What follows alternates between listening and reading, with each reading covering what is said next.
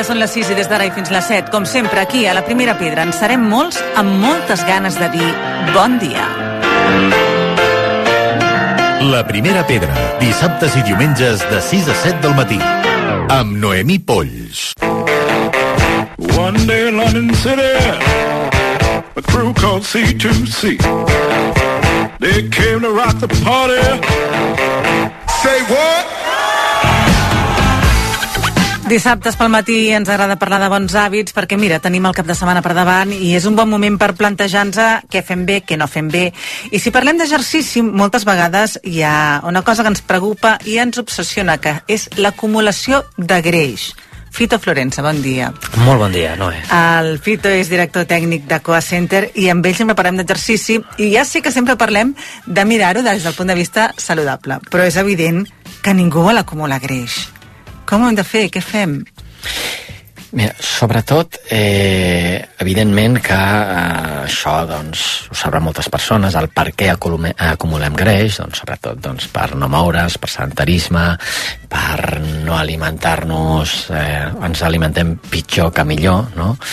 Eh, I sobretot perquè deleguem el que mai eh, hem de delegar, no és delegable perquè som éssers humans i perquè el moviment no pots delegar, no pots eh, deixar que et portin la compra del súper a la porta de casa, no pots doncs, eh, pujar amb ascensor constantment, no pots tota l'estona sistemàticament en cotxe, ja sé que això es diu ràpid, no? però jo ara sobretot explicaré l'enfoc per, perquè ho entenguis, eh, perquè un excés de greix doncs, pot ser doncs, nociu per la teva salut. Mm -hmm. I, per tant, sí que és nociu, però tot i així tu has dit, home, però no demonitzem el greix, perquè una mica de greix sí que és necessari. Absolutament, o sigui, el, el, el greix al final també ho, ho, ho hem d'utilitzar, ho utilitza el cos eh, per certes funcions del metabolisme, també per mantenir un bon equilibri hormonal, entre altres coses, i és un, és un principi immediat, és un sistema d'acumulació d'energia i de, i de, i, en fi, i d'energia en si mateix, no? Per la via aeròbica, per exemple, al cos, quan estem a mitja baixa intensitat, acumules greix, no? Quan et recuperes d'una sessió d'exercici, encara que sigui intens, després de recuperació, doncs el cos eh, utilitza greix, no? Uh -huh. Quan et mous, etc. I per tant, ara imaginem que realment tenim un excés de greix i el volem reduir. Com ho fem? Com ho treballem? Com es treballa la reducció de greix en concret? Doncs mira, com sempre, eh, el varia està en la dosi, no? llavors un excés no és bo, doncs al final les articulacions patiran, patiran més compressió, eh, més massa, més gas, és a dir, costa més moure més quilos, sobretot si atenem el valor relatiu de què peses de greix, no? Et cansaràs més amb el teu dia a dia, no serà còmode ni et, ni et farà sentir bé. Llavors, què podem fer? Què podem fer per metabolitzar-ho? Doncs, novament, eh, entrenar sobretot la força, la força. Moltes persones creuen, no? eh, inclús doncs, hi ha algunes metodologies que et diuen bueno, com la via aeròbica és mitja baixa intensitat i es nodreix del substrat greix, doncs escolta, surt a caminar, a fer llargues caminades, eh, malauradament acompanyat de dietes restrictives que generen una mala relació amb l'alimentació, que generen doncs això, passar gana, no? ralentització del metabolisme també, però al principi ser molt greix, però després el cos comença a combustionar múscul, que no és un principi d'immediat, és un sistema d'emergència. No? Llavors, hem de treballar sobretot la força, per suposar també caminar, però sobretot la força, i, i d'aquesta forma, doncs, junt amb la resta d'hàbits, no? doncs preocupant-te d'intentar dormir bé i si no dorms acudir a un especialista, doncs gestionar l'estrès, a fer exercici i alimentar-te doncs, millor que pitjor, no? amb fruita, verdura, no? llegums, ja sabem el que és una alimentació Molta saludable, fibra. molta Mhm. fibra, El que està clar és que fer un gran esforç durant estona, que és el que sempre hem pensat que és el que ens ajuda a consumir més greix, però portant una alimentació baixa calòrica, eh, etc etc, al final acabarà sent més contraproduent, ens farà estar de mal humor, eh, i No el que deies tu. No, tindrem una mala relació amb els- amb l'aliment, i això és fatal. amb l'aliment, amb l'exercici físic i al final, o sigui, l'exercici físic eh, per exemple, doncs, per, per combustionar greix, per cremar greix, per metabolitzar greix, digue-li com vulguis, eh, ha d'anar en la línia de menys temps, menys volum, no? Men- menys temps dedicat i més intensitat. Evidentment que hi haurà una fase d'adaptació i que hem d'atendre cada cas, no? Però, sobretot, poc volum i més intensitat. No, no molt volum i poca. Uh -huh. queda, queda molt clar, queda ben gràfic, més intensitat, escolta'm, menys estona però més intens, però això sí, com deies tu, ben, ben assessorats, no sigui que prenguem mal. Com sempre, Fito, moltíssimes gràcies. Moltíssimes gràcies a tu, no i a tots. La primera pedra. La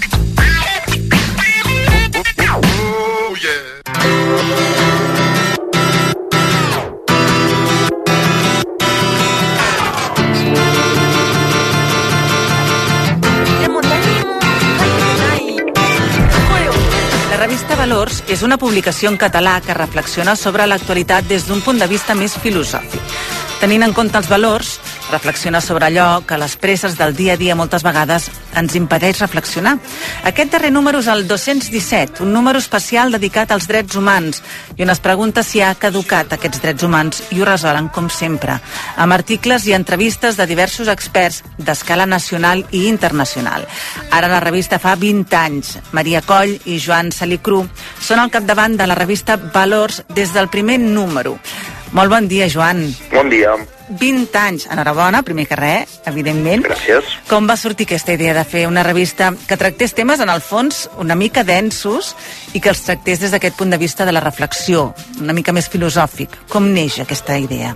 Bé, en el fons nosaltres, la gent que mm, promovem aquest, aquest projecte, som periodistes i, per tant, allò normal és que a través de les eines que més o menys sabem fer servir intentem doncs, eh, posar-los al servei de, de les causes que considerem més justes. No? Fer periodisme és una causa en si mateixa molt justa i molt lloable i molt necessària, no?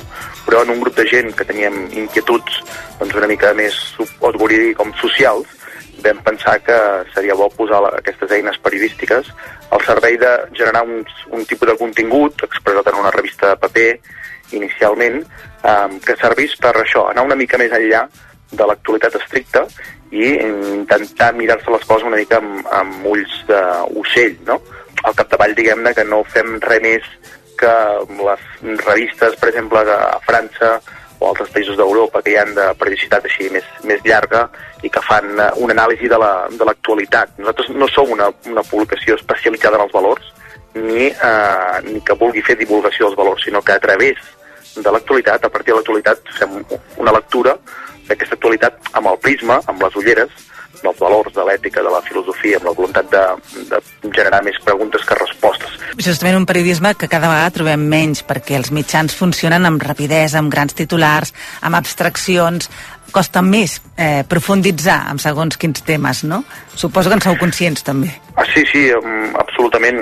Això vol dir que ens posem també una, una, uns deures, una tasca molt, molt ambiciosa, no? Aquest número, ara dèiem, està dedicat als drets humans, però al llarg d'aquests 20 anys heu tingut molts números amb moltes temàtiques. Quina recordes amb especial carinyo, amb, amb especial interès? Ostres, es fa molt difícil dir-te això perquè... Fet 200, Com un pare que li 200... triar els fills, no? 217 uh, números, uh, no sé, vam començar el número 1, recordo que era una reflexió uh, perquè vegis que situava més enllà del pessebre i intentàvem això, no? escrutar quins valors hi havien darrere del pessebre, uh, que encara és una cosa a mig camí entre la religió, però, però potser ha molt de cantar cap al camp cultural. Per tant, vam començar amb temes uh, així antropològics, uh, si tu vols dir, hem parlat de la memòria amb Luis Rojas Marcos, hem parlat de la justícia amb Thomas Pogue, hem parlat eh, de les minories amb Daniel Ineraridi, hem parlat de, de 50.000 eh, temes eh, de fet, a vegades ja els tornem a, a treballar perquè al cap de 15 anys eh, o han 20 canviat. anys han, han canviat. Ara ho deies, hi han hagut temes diferents i del primer número a ara han passat moltes coses.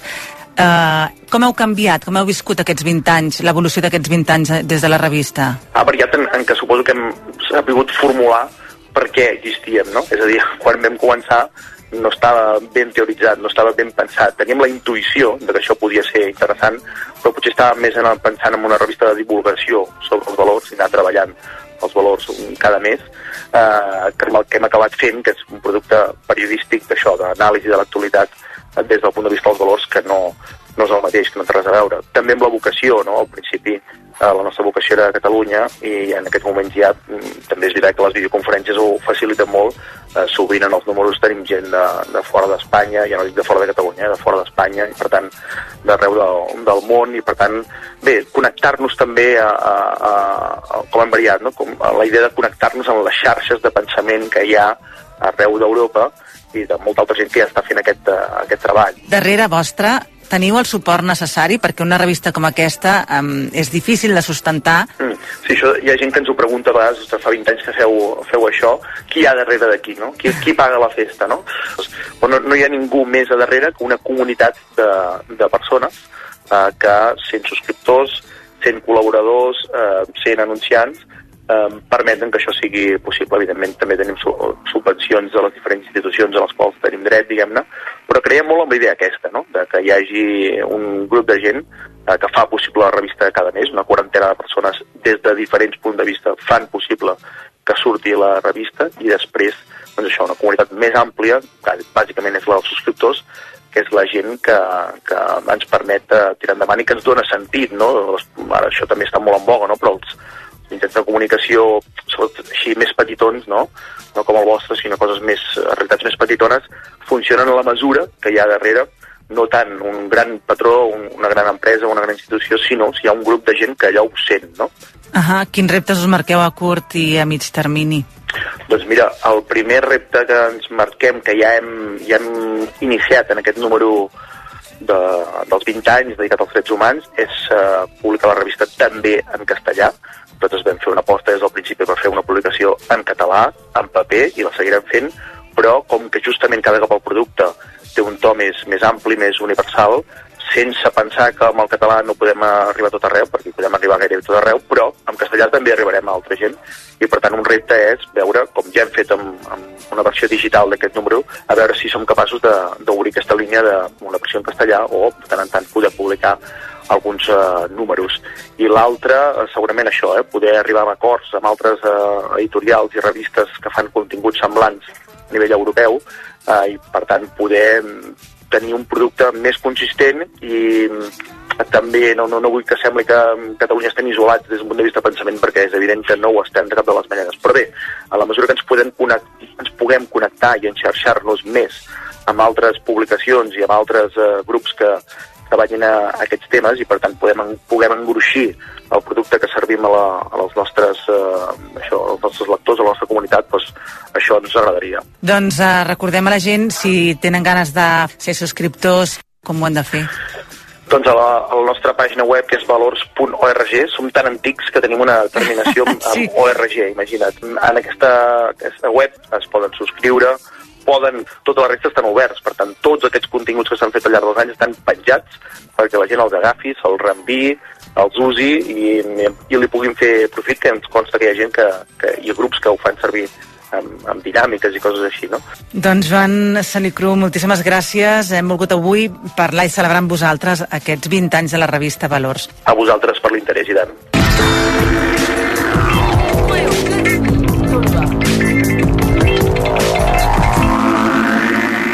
La primera pedra.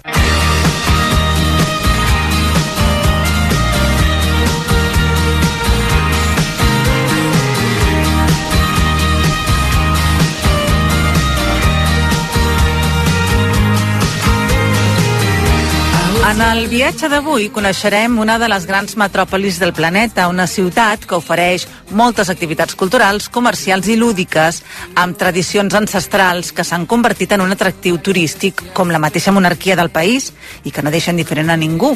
L'únic inconvenient pot ser la pluja que sovint fa la guitza. Suposo que molta gent ja hi haurà caigut. Estem parlant de Londres. Ho farem de la mà del nostre company dels serveis informatius i guia turístic, en Josep Ferrer. Josep, molt bon dia. Hola, molt bon dia. Londres és d'aquelles ciutats que, com a mínim, s'hi hauria d'anar un cop a la vida i segurament molts dels nostres oients hi hauran estat o tenen pensat tornar-hi.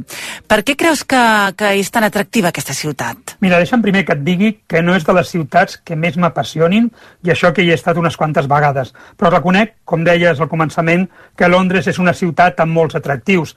Tens parcs immensos, un riu, el Tàmesi, obert totalment a la ciutat, grans museus que es poden visitar de forma gratuïta, barris amb molts contrastos, magatzems comercials espectaculars. Si sou cinèfils trobareu mil i un escenaris de pel·lícules i sèries. Si us agraden els Beatles, aquí podreu resseguir la seva història i sobretot tenen una monarquia que de la seva vida i tradicions n'han fet un espectacle que per la ciutat i el país és una important font d'ingressos. Mm -hmm, però suposo que el que t'agrada és el temps, no? Sí, aquest és un dels motius. Es diu que és una ciutat grisa i on sempre plou, però a mi també em costa molt acostumar-me a les diferències de la ciutat i el país. Per exemple, condueixen per l'esquerra i això t'obliga a parar amb més atenció a l'hora de travessar els carrers. Les distàncies no es mesuren en quilòmetres, sinó en milles. La seva moneda és la lliure esterlina i, per tant, ens obliga a canviar els euros. I per entrar i sortir del país necessitem el passaport, cosa que suposa una mica més d'enrenou a l'hora de, de viatjar. Sí, és veritat que algunes d'aquestes coses cal acostumar-s'hi. Però va, som a Londres, per tant, per on comencem? Doncs mira, si et sembla, per la monarquia i tot el que gira al seu voltant. Una de les coses que no ens podrem perdre és veure el famós canvi de guàrdia que es fa al Palau de Buckingham cap a les 11 del matí. No es fa, atenció, cada dia i els dies canvien cada mes. Per tant, cal consultar el calendari de cada mes per saber quins dies es fa. Si volem veure-ho bé, des d'una bona posició caldrà anar a la zona ben d'hora, ben d'hora, eh? I si no ens haurem de conformar a veure tot l'espectacle de lluny, tot traient el cap entre mans i mans, en càmeres i telèfons mòbils que immortalitzen el moment i és una mica complicat de poder-ho resseguir. I acabada la cerimònia, què fem, Josep? Doncs mira, donaria una volta pel parc de St. James i visitaria la famosa abadia de Westminster, d'estil gòtic, i on s'han coronat els reis d'Anglaterra.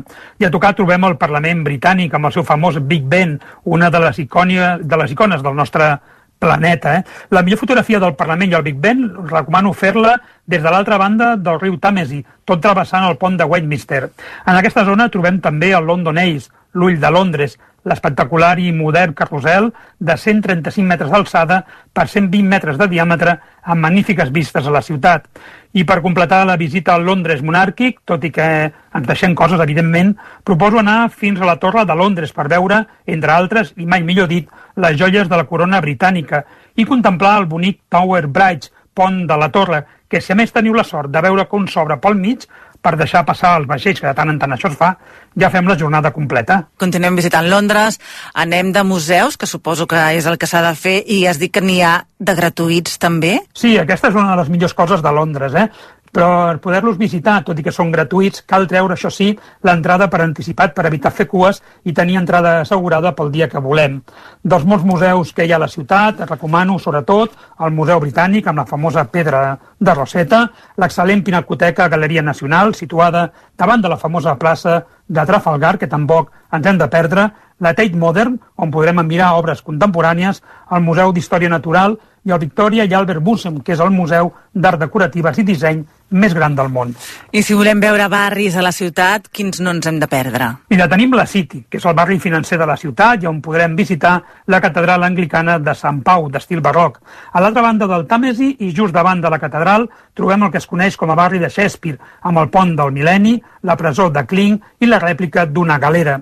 Tampoc ens hem de perdre el barri de Nothing Hill, amb el mercat de Portobello, on trobarem antiguitats, i el bohemi hippie barri de Camden, on el, que també hi ha el seu mercat, i tenim la possibilitat de fer un tom en vaixell per diferents canals. I de nit jo em quedo en el barri de Soho, el que és el que té més ambient nocturn. Ens hem d'aturar a la plaça de Leicester, on sempre passen coses, i passejar per Piccadilly Circus, on podrem veure les grans pantalles publicitàries de neó que es van instal·lar, fixa't, per primera vegada l'any 1908, o sigui que ja ha plogut. I si parlem també de magatzems comercials, el més famós seria Harrods. Sens dubte, a més, té l'honor d'haver estat el primer lloc del món on es van instal·lar escales mecàniques. Va ser l'any 1898 i té una decoració que recorda a l'antic Egipte. Només per això ja val la pena visitar-ho perquè aquesta decoració encara la conserven. És interessant recórrer carrers comercials com Regent Street i entrar a la botiga Hamleys, la botiga de joguines més antiga de Londres. I en el carrer Carnaby trobarem els famosos magatzems Liberty. Jo crec que hem fet una visita molt completa, però no sé si ens deixem alguna cosa. Mira, moltes, perquè t'agradi més o menys, és d'aquelles ciutats que no te les acabes mai ens quedaria pujar dalt de tot de l'edifici anomenat Walkie Talkie, amb un increïble jardí interior i excel·lents vistes a la ciutat, poder veure l'ambient previ a un partit de futbol, assistir en viu i en directe a un dels derris de la ciutat, veure un musical o donar menjar als esquirols que trobarem a tots els parcs de la ciutat. I avui, per cert, no ens has fet cap recomanació gastronòmica, no? Tens raó, però Londres i el país no es caracteritza per la seva gastronomia.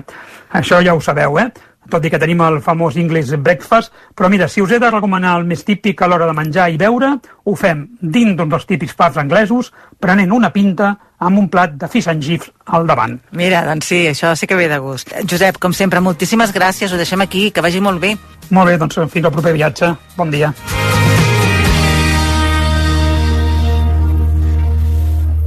La primera pedra. I mentre preparem viatges pels dies de vacances que han de venir, volem gaudir del camí i en Jordi Margarit ens fa una proposta per fer una sortida a casa nostra. Bon dia, Jordi. Bon dia, Noé. Avui proposo un passeig romàntic a la vegada que de servei i de molt bon servei. De fet, podreu pensar que ens trasllada temps remots i que, i que potser ja hauria d'estar superat per altres maneres efectives d'ajut al trànsit. I a més, en llocs privilegiats. Preparem-nos per xalar.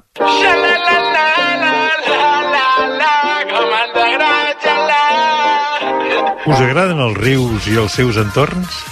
Doncs vinga, cap a la Ribera d'Ebre i concretament cap a Miravet. Però el lloc, o millor dit, l'experiència que us indico avui és arribar-hi travessant el riu en barca.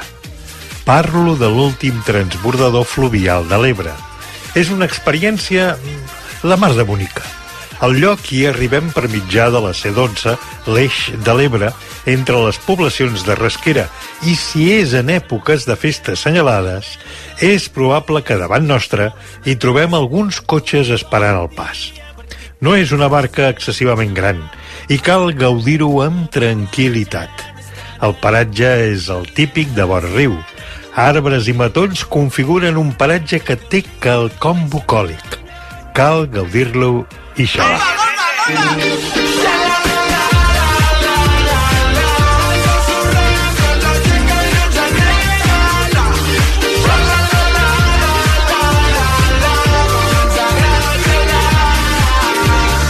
Dos llaguts sostenen la plataforma que es desplaça d'un cap a l'altre del pas. Com sigui, que no s'utilitza altra força que el corrent de l'Ebre, un cable i la destresa del barquer, el silenci trencat només pel tendre lliscament de l'embarcació, confereixen al moment una èpica impressionant. Quan hi pugeu amb el cotxe, sortiu del vehicle, tanqueu els ulls mentre dura la breu travessa. Xalareu de veritat.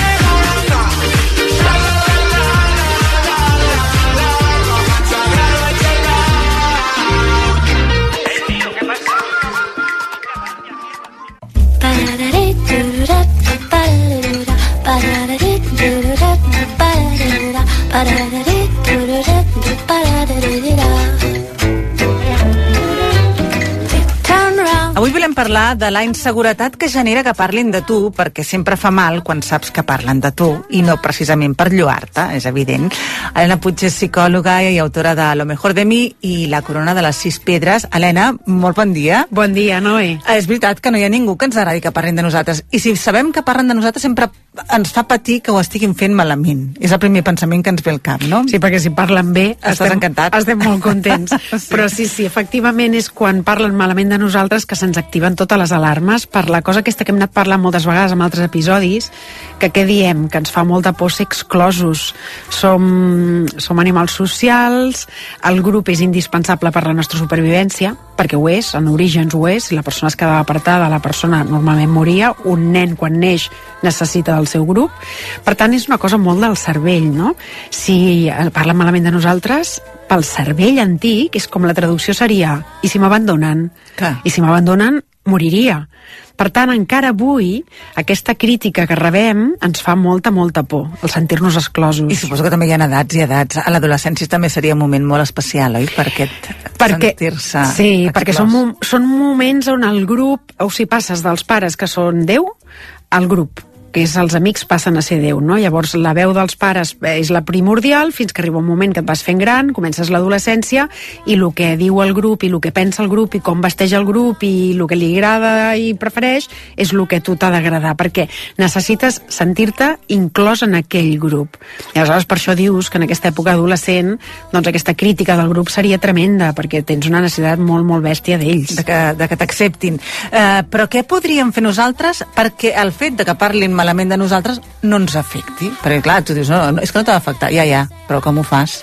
Mira, hi ha una pregunta. A la pregunta aquesta que em fas, jo t'he de posar aquí un matís pels que ens escolten, que és, eh, no és que prendrem a que, a que no ens afecti i ja està, sinó que hem d'entendre i permetre que, encara que haguem treballat molt amb això, quan arribi la crítica em dolgui. Vale, doncs primer pas, sí, em dol, clar, em dol perquè és natural. M'agrada, sí. Clar, per lo que estem parlant, no? Mm. Hi ha una lògica aquí darrere. Per tant, encara que ho hagi treballat molt, no és l'acceptació de que això em farà mal. A continuació, el treball personal. Quin seria? Lo primer, per mi, el no personalitzar no personalitzar. No sóc el centre del món, no sóc el centre de la vida de les altres persones. Per tant, què passa? Aquella frase que dic sempre a Instagram, que és que la conducta de les persones parla de les persones, no parla de mi. Parla d'ells de les seves preferències, dels seus mals moments, de les seves històries personals. I el que fem és atribuir-nos. Aleshores, jo puc no agradar a algú, vale, perfecte, i què passa? A quanta gent agrado? No? El no personalitzar, a l'entendre que això parla de l'altre. A partir d'aquí sí que ja és veritat, que segur que m'ho preguntaràs tu, que hi ha una part d'autocrítica conscient, de qüestionar-se i dir, val, si estan dient alguna cosa que no és positiva, el primer que he de fer no és, ah, això no va amb mi. No, és dir, a veure... Que pot tenir raó. Sí. Pot tenir raó. I per mi una, una pregunta que els faig als meus pacients i que treballo molt és anem-li a donar un 5% de raó. Comencem per aquí. Llavors, què passa? Li dono un 5% de raó. Doncs em poso amb aquest 5% de raó i a lo millor no, a lo millor estan criticant perquè són gent d'aquesta que critica sense, eh, vull dir, perquè critica, perquè els agrada criticar. Vale, doncs ho descarto. Però si hi hagués un 5%, doncs em poso amb aquest 5% que a lo millor jo no he fet prou bé i demano disculpes encara que l'altre no el demani. O, o faig alguna reparació encara que l'altre no ho faci. Les coses les hem de fer per coherència interna jo he d'estar bé amb mi mateixa i amb els meus valors. M'explico? I, I tant, perfectament. Eh, en el cas de que realment veiem que el que critica moltes vegades també ho fa per una raó personal, és a dir, està parlant més d'ell que no de tu, perquè sí. li molesta a ell allò, um, també a l'inversa també passa, és a dir, moltes vegades critiquem mm -hmm. i en el fons estem dient alguna cosa de nosaltres. Sí. Allò ens incomoda tant perquè hi ha alguna cosa dintre nostra que també ens fa estar incòmodes a nosaltres per algun altre motiu. Sí. Com ho podem fer per treure'n també profit i no ser tampoc tan criticons i saber per què ho fem? Treure'n alguna cosa de positiu amb tot això? Segur que has sentit a parlar tu, que al final eh, serà com si traïssis la carrera de psicologia. Tantes entrevistes que ens fas als professionals. Tant de bo, tant de bo. moltes coses acaba mai això, tu. Has sentit a parlar d'aquell efecte mirall famós, no? Mm. Per què critiquem moltes vegades? Perquè l'altre reflexa algú o nostre no resol o algo que no acceptem, que no ens agrada, que va molt en contra dels nostres valors torna a ser una mica el mateix, és agafar aquesta distància i relativitzar. Jo tinc la meva pròpia història personal, i tinc la meva educació, i tinc la meva família i els meus pares que m'han educat d'una manera concreta, però és que hi ha tanta gent, hi ha tantes vides com persones. Aleshores, si hi ha alguna que no m'agrada, poso límits i me n'allunyo. Inclús a vegades no cal ni posar límits, que estem molt amb els límits. Hi ha vegades que no val la pena gastar una energia en posar límits a algú que potser t'importa molt, molt poc, però llavors he de ser conseqüent i allunyar-me d'aquesta persona. O bé, és una persona que m'estimo, entendre que hi ha temes amb aquella persona perquè me l'estimo molt i em convença moltes altres coses, amb què no m'hi discutiré i no cal criticar-la. Aquella persona que m'estimo pensa això d'aquest tema concret. D'acord, podem continuar sent amics, podem tenir una bona relació, ens podem estimar igual? Sí, doncs continuem evitant això. És que no passa res, no cal ser tan perdona la paraula, tan talibans en això, no? Tan, tan absolutament rígids en dir no, no, és que els amics són a totes. No, això és mentida. Jo puc estimar-me, jo tinc amigues que la, la, me les estimo un munt i que pensem coses diferents, d'acord? Però llavors, ho veus, és en comptes d'anar cap a la crítica, el pensar que la meva manera de fer les coses o pensar les coses és universal, és entendre que hi ha altres maneres d'entendre la vida, i focalitzar-me en el que jo crec. I, per exemple, tu també parles de tres tips que et poden servir per justament agafar aquesta seguretat, no? Eh, intentar evitar anar-te'n cap a aquest món de la crítica fins i tot amb tu mateix. I Ah. parles de qüestionar-se, no? de practicar eines que et puguin relaxar i practicar la gratitud. Aquests serien els tres eixos Clar, principals? perquè fixa't que dius tu, aquí hi ha un altre, encara hi ha una altra, una altra, una altra vessant de la crítica, perquè tu has dit, la- quan, quan em critiquen, quan jo critico i quan jo em critico. A mi mateix. Fixa't que són Sí, tres. sí, són tres crítiques. Clar, no, Sí. no, realment, una altra cosa que diem moltes vegades és que quan jo critico molt als altres, segurament és que sóc molt crítica amb mi mateixa. I aleshores, on he de posar el foc el primer? Doncs, vinga, què em passa? Per què em parlo tan durament? Per què em matxaco tant? Per què em boicotejo, no? Perquè tinc aquests pensaments que reiteradament em culpo de tot, o tinc vergonya, o penso que no sóc suficient. Aquí és una mica més complexa, perquè per, per mirar de, de, com, redirigir aquest tipus d'actituds que s'acaben convertint en coses molt automàtiques, jo he de fer un treball més profund de què em passa, quines ferides porto, per què no em sento prou, per què no em sento suficient. Això és el, saps el tema de les ferides infantils que a vegades hem parlat, no? Però sí que és veritat que aquests tres tips que dius, a banda d'aquest treball que és com més, més profund, tu em dius, uh, un, el qüestiona't, val? m'estic tractant molt durament, pregunta típica, per posar-ne alguna, eh? és 100% veritat això que m'estic dient? La majoria de vegades con- contestem no. Moltes vegades jo als meus pacients els dic no només no és 100% veritat, sinó que és fals. O sigui, t'estàs dient això, això és veritat, i riuen i diuen no és veritat, això no és veritat. Doncs comencem per aquí, per aquest qüestionar, això que m'estic dient real, realment és veritat. No? A partir d'aquí, què acabo de fer? Agafo distància, estic qüestionant, qüestionant el meu pensament, m'estic adonant que el meu pensament és el que dibuixa la realitat que em creu, que per tant sentiré coses, emocions, que aniran recreant aquella idea de que no sóc suficient o que no val. Vale? Llavors tu em dius, segona cosa, eines de relaxació. M'has dit això, oi que Sí, sí, eines que et puguin relaxar, Vale, que t'ajudin per- a relaxar-te. Per què? Perquè s'estan activant emocions que continuen alimentant el pensament de que no sóc suficient o aquesta crítica que estic fent amb mi mateixa. Val, què he de fer? Eines que m'ajudin a agafar distància amb, amb aquesta cosa que sento, amb les emocions, amb el cos, perquè el cos està massa activat. Respiro, me'n vaig a passejar, escric en el diari que va superbé, escric el pensament que estic tenint, faig una mica de meditació... Eh, eh, qui diu meditació, no, eh? Diu em cuido del jardí perquè m'encanta el jardí, em poso a podar, em poso a regar, em poso a abonar, A pintar, si és que m'agrada pintar, a llegir, sigui, a llegir. però activitats que posin el focus en un altre lloc, vale? i que relaxin tota aquesta, aquesta part crítica, però com a cosa intencional, eh? com a jo estic treballant la crítica interna i vaig a fer això perquè és una de les eines, d'acord? I, i l'última que em deies, Practicar la gratitud. val, per què? Per què diries? Perquè t'ajuda també a, a, a, a veure tot el positiu que té el teu entorn. Exacte. Perquè la ment crítica és una ment que tendeix a les coses negatives, no? Però si hi ha la tira de coses positives, i és veritat que de vegades estem passant per moments molt dolents, per situacions que dius, aviam, per on ho agafo això per veure alguna positiu? Perquè no hi és. Però malgrat això, continues tenint altres àmbits de la teva vida o altres coses de la teva vida que sí que funciona. Es pot passar per una malaltia, però puc agrair que tinc la gent al meu costat, que m'està fent suport, que m'estan ajudant, fins i tot els professionals, no? Eh, acabo de no, no he entrat a la universitat que volia, això a segon de batxillerat és un drama, no? Però després resulta que parles amb molta gent que no va entrar a la universitat i acaba, acaba fent una cosa que els hi apassiona, no? Que encara els agrada més. Clar, sí, sí. bueno, doncs en aquest moment agafar què tinc de positiu a la meva vida? Doncs tinc grans amics, eh, faig esport, visc en una ciutat que m'encanta, jo què sé, les, o les petites coses de cada dia que hem anat dient tu i jo, no? Tinc aquests moments, tinc la- l'aigua calenta, tinc... Practicar la gratitud obre el cervell a fixar-se, a posar el foco a les coses positives que tots tenim. a les coses bones. Doncs això és el que hem volgut fer avui, parlar d'aquest pensament crític que tenim moltes vegades amb els altres, amb nosaltres, i, i que també ens el fan els altres a nosaltres. Uh, si voleu saber més coses de l'Helena Puig, doncs la podeu trobar a Instagram, que té molts inputs, tot això que acabem de dir, segur que ho trobareu en allà també, ben esquematitzat, a, a Helena Puig Guitart. Helena, com sempre, moltes gràcies. Moltes gràcies a tu, Noé. Pensar en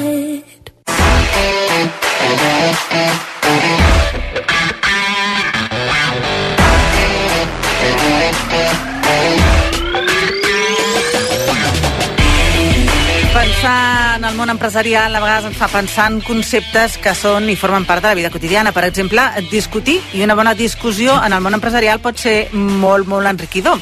En parlem amb l'Oriol López Villena, és l'autor del llibre Creix i Prospera. Oriol, bon dia. Bon dia. I parlem de discutir, o com a mínim de que no sempre et donguin la raó perquè sí, perquè això no porta enlloc si realment al voltant ja veu que allò no és correcte. Tu has vist Succession? Sí.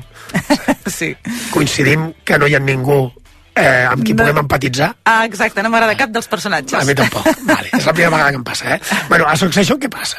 Ah, no, som, com a mínim al principi, eh? però jo, que- jo crec que es manté en general.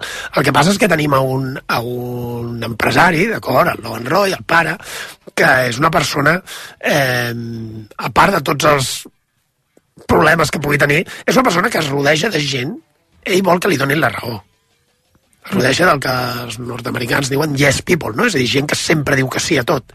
I això és un problema, perquè això el que es fa és per evitar discussions, dir, la gent té por d'entrar en una discussió perquè té por de les conseqüències que hi pugui haver i, i clar, i això passa a vegades també amb els empresaris que no volen que es generin discussions perquè creuen que les discussions aniran uh, per mal borràs i acabaran en, en, en gent enfadada que no, tra no treballarà això però s'obliden d'una cosa molt important que és que és a través de les discussions que s'arriba a conclusions i a decisions i sovint a les millors decisions no? i això és una, una cosa que, que és important tenir-la en compte I tu deies també que a la gent jove, sobretot, sí. no sap discutir. No, jo, no sap jo argumentar, potser. ho, no ho matitzaria, per- però per Comunicar-se. el, el, el problema que jo em trobo, o el que, en, el que ens trobem, i jo crec que també quan érem joves potser era similar, eh? no, no, no és una cosa per la generació actual, però una cosa que es queixen molts de les empreses és que reben gent jove i que aquesta gent jove primer no sap expressar-se, o sigui, no sap expressar exactament el que vol dir, i això és molt important quan entres en una discussió. I la segona cosa és no s'atreveixen a dur la contrària perquè estan en una empresa, se senten inferiors a l'empresari o als altres directius o a gent més gran, i llavors no duen la contrària. I jo sempre els animo, dic, escolta, vosaltres entreu aquí i, òbviament, sapigueu què dir. És a dir, no, no, no dueu la contrària per dur-la, però quan saps què dir, no tinguis por d'expressar-ho clarament. I perquè una bona discussió, si es fa amb, amb ordre, és una discussió que pot arribar a molt bones decisions i a molts bons resultats. Mm -hmm. I també parlaves de consells sí. perquè aquestes discussions siguin bones, siguin fructíferes, sí. no? Mira, nosaltres a casa discutíem molt. Perquè discutir per discutir també pot no portar enlloc. Bueno, a vegades discutim per discutir perquè ens agrada. És a dir, a casa, a, a, a casa, a casa meva, a la, a la meva família paterna, sobretot, és a dir, la, la, la discussió era una cosa que ens agradava. És a dir, o sigui, nosaltres ens agradava discutir. I quan la meva dona va entrar per primera vegada en un dinar és el primer que li vaig dir. O sigui, prepara't perquè aquí discutim, no? No, no t'espantis. Discutim i discutim de manera vehement.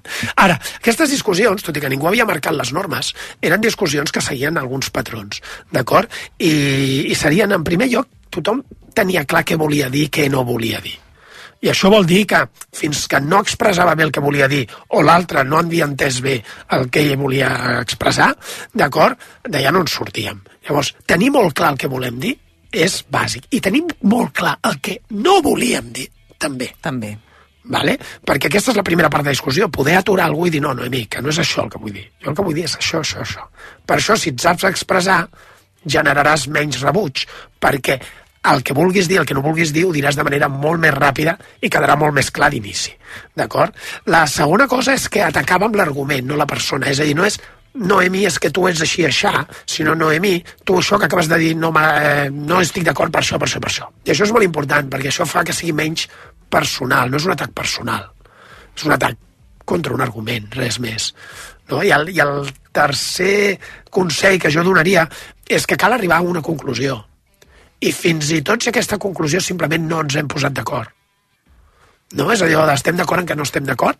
Doncs una mica això, és a dir, al final l'objectiu d'una discussió no és eh, arribar a un acord, diguin el que diguin. L'objectiu d'una discussió és entendre la posició de l'altre. Mm -hmm. L'acord és una conseqüència d'això. Perquè si entenem la posició de l'altre, llavors podem ser capaços de dir, ah, doncs potser jo estava equivocat, o potser això podria estar bé, o potser hi ha un camí intermig. Però l'objectiu de la discussió és només entendre res més. Encara que sigui per no arribar a cap acord i dir, doncs mira, no estem d'acord, ja en parlarem més endavant. Això sempre du a millors resultats. Doncs una bona comunicació i una bona entesa i una Sí. bona discussió es, es estalviaria molts problemes, segur, a tots nivells. Més que no discutir. Exacte, també, és veritat. Perquè llavors es posa parxes i el problema segueix. Exacte. Eh? Es Simplement enquistant. ningú el toca. Ah, exacte. Doncs Oriol, com sempre, un plaer. Moltíssimes gràcies. Gràcies a tu, adeu.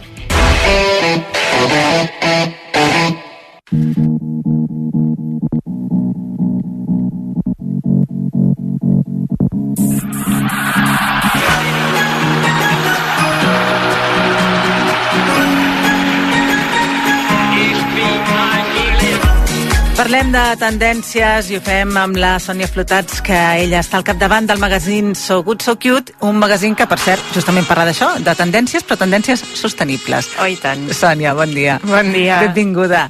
Avui parlarem de tendències del pre-order versus Black Friday. A veure, explica'ns-ho. Molt anglès, oi? Sí, tot. Jo crec que, mira, cinc paraules, gairebé sis, però quatre eren angleses. Quin, quin desastre, quin desastre. Pre-order versus Black Friday. Exacte, bé, tenint en compte que ens trobem que fa res va ser el Black Friday, que el dilluns serà el Cyber Monday, que també un altre anglicisme, eh, doncs em venia molt de gust parlar-vos de això si realment és tan interessant o no, ja us podeu imaginar pel meu tarannà que diré, i proposar-vos una altra opció de- d'adquirir coses que necessiteu de manera més sostenible i també amb descompte. Fantàstic, doncs ja, m'a- ja m'agrada, ja. A veure, proposa'ns, proposa'ns. Molt bé, a veure, eh, Black Fridays, Cyber Mondays i tot això, aquesta locura del consum.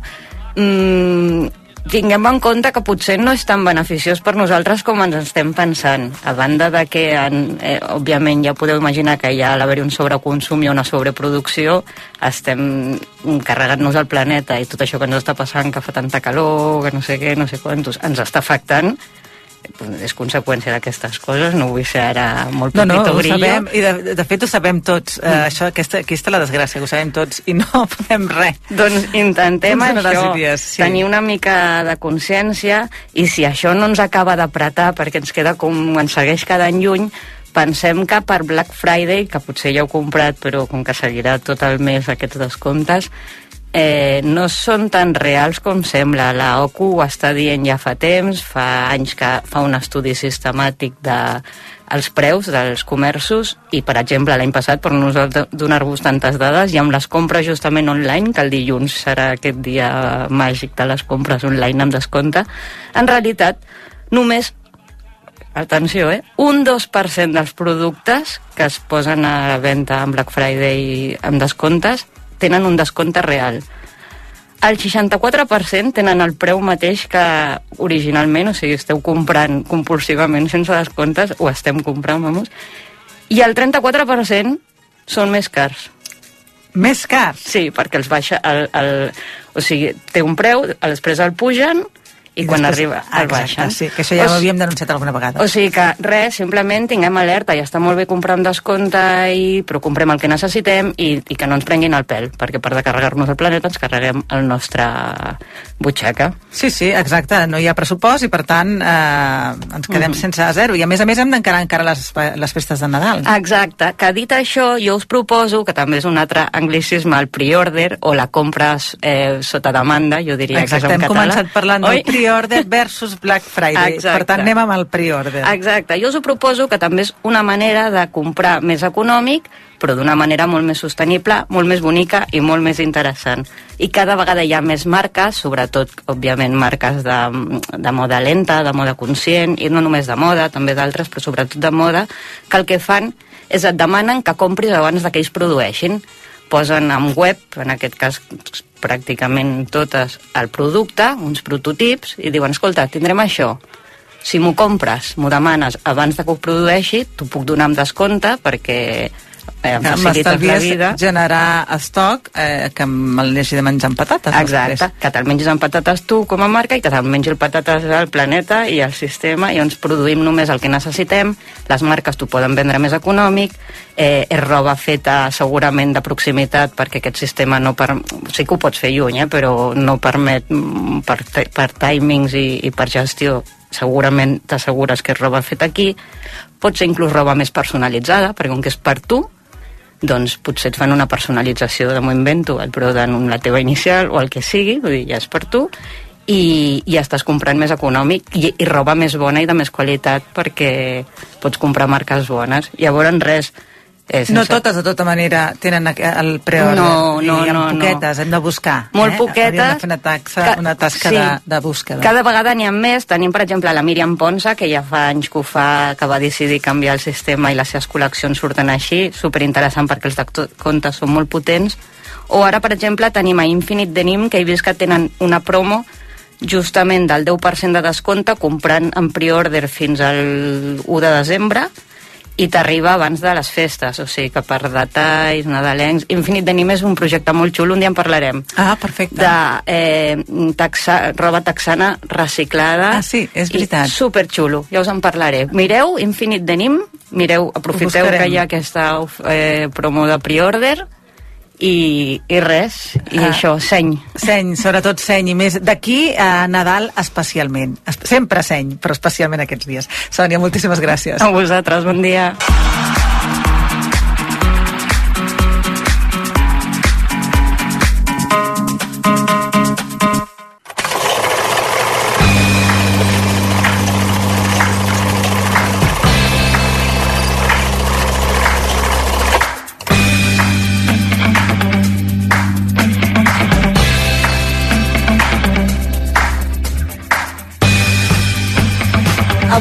Avui, no anirem al cinema, però sí veurem una pel·lícula. Sí.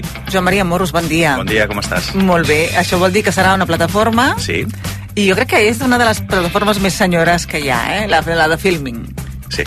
Eh que sí? És, ho és. Um, I a més a més aquesta pel·lícula um, l'he triada perquè vaig veure que estaven fent una que estaven fent uh, molta promoció amb l'estrena i és una qüestió que aquesta setmana diguem-ne que hem tornat a tenir una altra vegada un avís, hem explicat als informatius que uh, les Nacions Unides han tornat a fer una alerta sobre l'escalfament global i bàsicament aquesta pel·lícula és el que anomenen un ecotriller, que és uh, una història que va a l'entorn d'un grup d'activistes climàtics que intenten fer alguna cosa el que passa que a vegades potser no cal arribar a aquests extrems per eh, conscienciar el món que ens estem carregant. La pel·lícula, eh, de fet el títol en anglès és absolutament eh, definitori, és How to Blow Up a Pipeline. Hey everyone, welcome back to Boom Talk. Today, teaching myself to make a homemade blasting cap. If this works, it'll be step one to making our own improvised explosive. I la traducció en castellà és Sabotaje. Aquesta pel·lícula el que explica és com un grup de joves que estan al voltant dels 20-25 anys, eh, que alguns es coneixen entre ells i altres no, eh, decideixen explotar una canonada que porta petroli a Texas perquè diuen que aquesta és la manera de fer veure la societat que ens estem carregant el planeta i que per tant s'han de fer accions.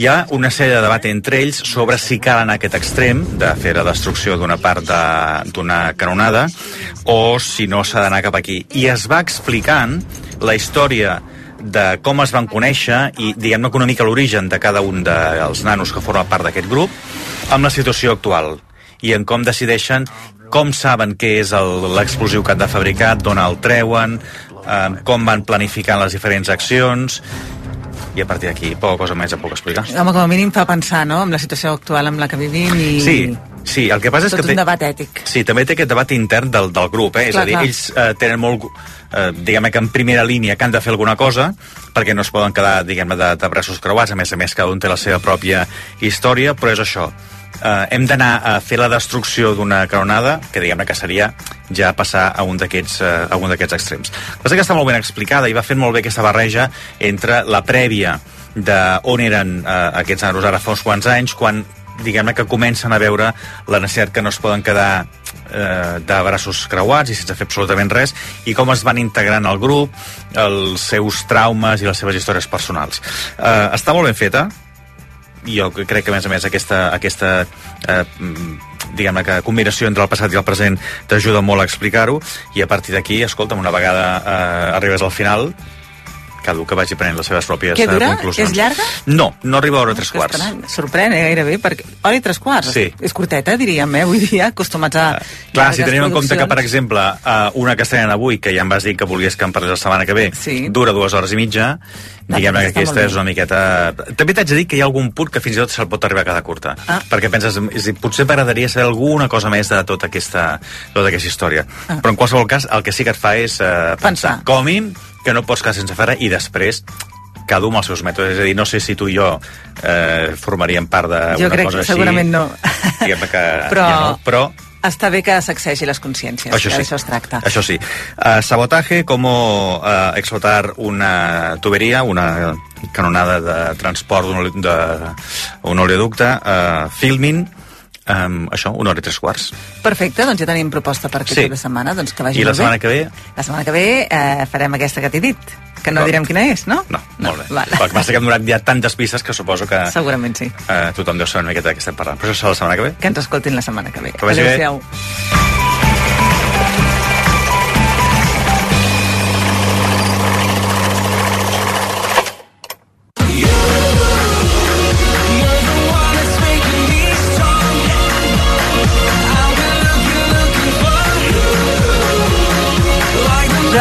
Ramos ja està cantant. Bon dia. Jordi, bon dia. Home, és que Escolta'm, sóc molt fan d'aquesta cançó, Sí? Noé. Uh, Sí. Demà, de fet, és uh, hi ha Eurovisió Júnior. Correcte. Sí, senyor, que Sí, no té sí. tanta, mm, tant percentatge d'audiència com podria tenir una Eurovisió normal, no, no? però Déu-n'hi-do, déu nhi Déu-n'hi-do. Comparat amb altres programes que fa Televisió Espanyola un diumenge a la tarda, ja veuràs que la cosa canviarà. Bueno, bueno, doncs sí. ens has de situar. El que passa és que aquest noi no va actuar a Eurovisió Júnior, Ah. ell és Amir, va quedar sisè al Festival d'Eurovisió del 2016, que és una cançó que realment era una de les més celebrades de l'any, però sí que te'l poso perquè serà ell qui actuarà a l'entreacte Ah. de la gala d'aquesta Ja de demà. jo. Home, sí, és que ens hem d'anar preparant. És un Sí, dels sí, dies sí, grossos sí, sí. de l'any i jo crec que val la pena fer una guia per anar preparats. A veure, Sembla doncs bé? Va, sí, ens deixem portar. Doncs endavant, començant a recordar-te, precisament, que si Amir canta aquesta cançó, ell va ser el representant de França, com en deia, el 2016, és precisament perquè França és l'anfitriona. Ells fan el júnior a Nissa, després que l'any passat guanyés Lisandro amb Maman.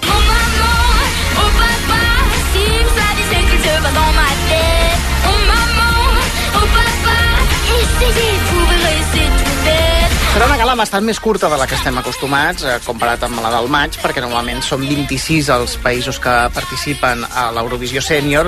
Al júnior demà seran 16. 16 eh, participants d'entre 9 i 14 anys que intentaran rellevar-li el títol a aquest noi en un espectacle que, sincerament, moltes, molts cops no té res a envejar amb el que es fa a l'altre. Uh -huh. Però hi ha diferències? Sí, um, això és important. En primer lloc, eh, s'ha de tenir en compte que aquí els vots van només per internet i que aquí cadascú pot votar al seu propi país.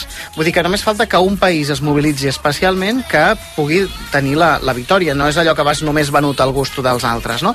I després també cal tenir en compte que uh, pel júnior no hi ha apostes. Només hi ha enquestes perquè s'entén que per protecció de menors doncs, uh, gener... no, no és propi uh, ficar-hi calés pel, pel mig. Ara bé, d'aquestes uh, enquestes uh, s'ha de reconèixer que bueno, podem orientar-nos una mica i veure, per exemple, que estan mantenint precisament la confiança amb la representant francesa.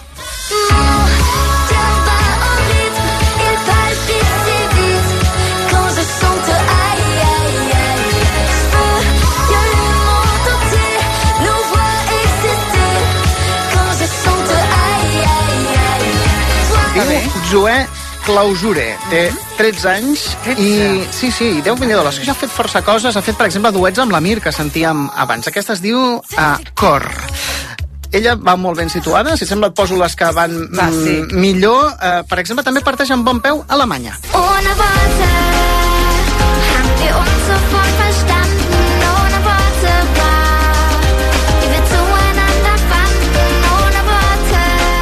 història més és maca, perquè ella és eh, fia, canta Onebote, que vol dir sense paraules, que és una cançó que ha compost ella mateixa i que diu que és un cant a l'amor entre germans. A més, la seva germana, precisament, eh, és sorda, i eh, això ella està molt conscienciada amb el tema, i demà cantarà la cançó en veu, però també a través del llenguatge de signes. Ah, que maco. Ja et dic, eh, sona bastant bé, però escolta també Estònia. Hoiamme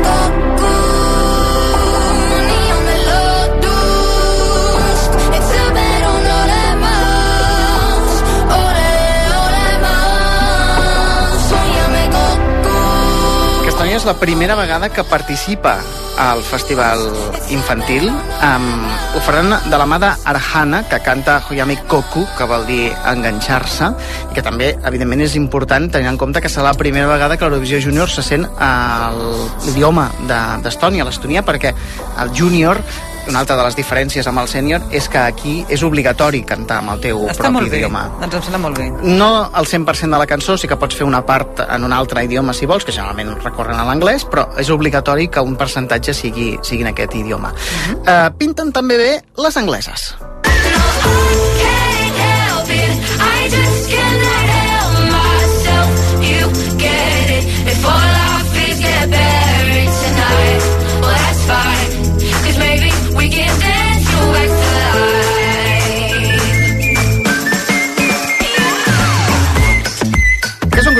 Es diuen Stan Unique.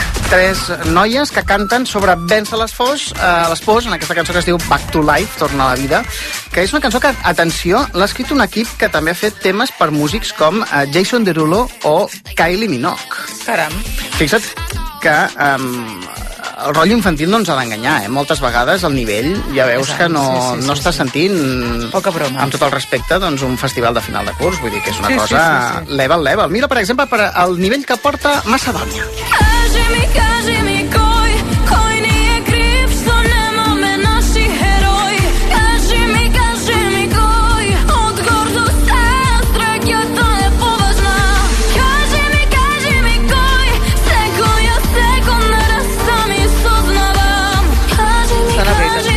Sí, canta Tamara Grujesca, que amb 12 anys ja ha guanyat Són diversos tan premis. jovenetes, 12. Molt, molt, molt. Però és que a més és això que et dic, eh, que estan guanyant les cordes premis. vocals i, i també en la interpretació, perquè necessita donar interpretació. Sí, també. a més aquesta noia eh, promet esforçar-se especialment perquè ella ha declarat que és molt eurofan i que, bueno, que està disposada a fer el que sigui per poder guanyar. Vull dir que veurem com, com ho faran. T'has fixat en un altre detall? Que és que tot el que estem sentint són noies? És veritat. Sí, doncs Armènia no és l'excepció. I'ma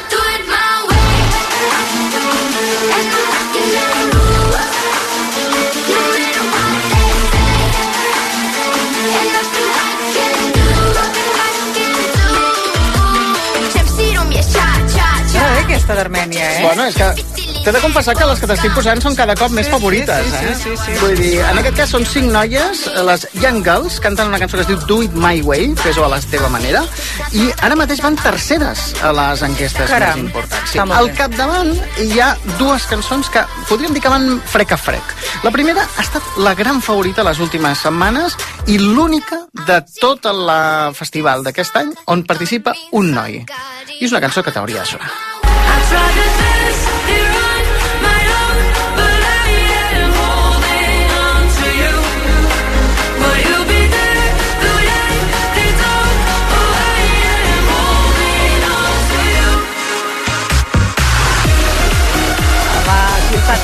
aixecant els braços i ballant. Eh que sí? Discotequera total, no? Totalment. Ho deia el Dani l'altra vegada i m'hi reafirmo. Sembla que és Ja l'havíem Avicii. sentit aquí, sí, sí, perquè ja era la favorita des de fa dies, és Holding On To You, agafant-se a tu, que canten dos tiktokers, Sep i Jasmine, es diuen, no? I són els representants dels Països Baixos. Com et dic, aquesta és la que ha estat més ben posicionada durant els últims dies i, de fet, a nivell de valoracions encara és la número 1.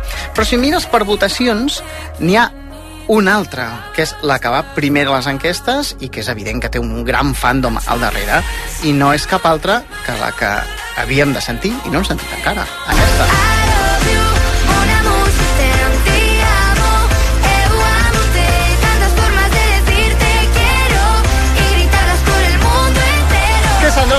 Ai, la sí, representant d'Espanya. Et recordo, és valenciana, té 12 anys. Anirà vestida com d'aviadora, perquè és com un homenatge a les grans aventureres de la història, amb aquesta cançó que, sincerament, sempre ho dic, s'enganxa moltíssim. Jo li veig possibilitats. Per guanyar ja veurem, perquè les altres són competitives fortes, i un gran problema que té, que és que actua la primera, i això ja se sap que no ajuda gaire. Però et recordo que tu i qualsevol persona de la família de la Primera Pedra la pot votar, si vol, a Doncs través mira. De la web, i que la gala és demà a les 4 de la tarda per la 1. Estarem molt atents. Eh, Doncs ens quedem amb ella. Que vagi molt bé, Jordi Ramos. Adéu, bon dia. Adéu.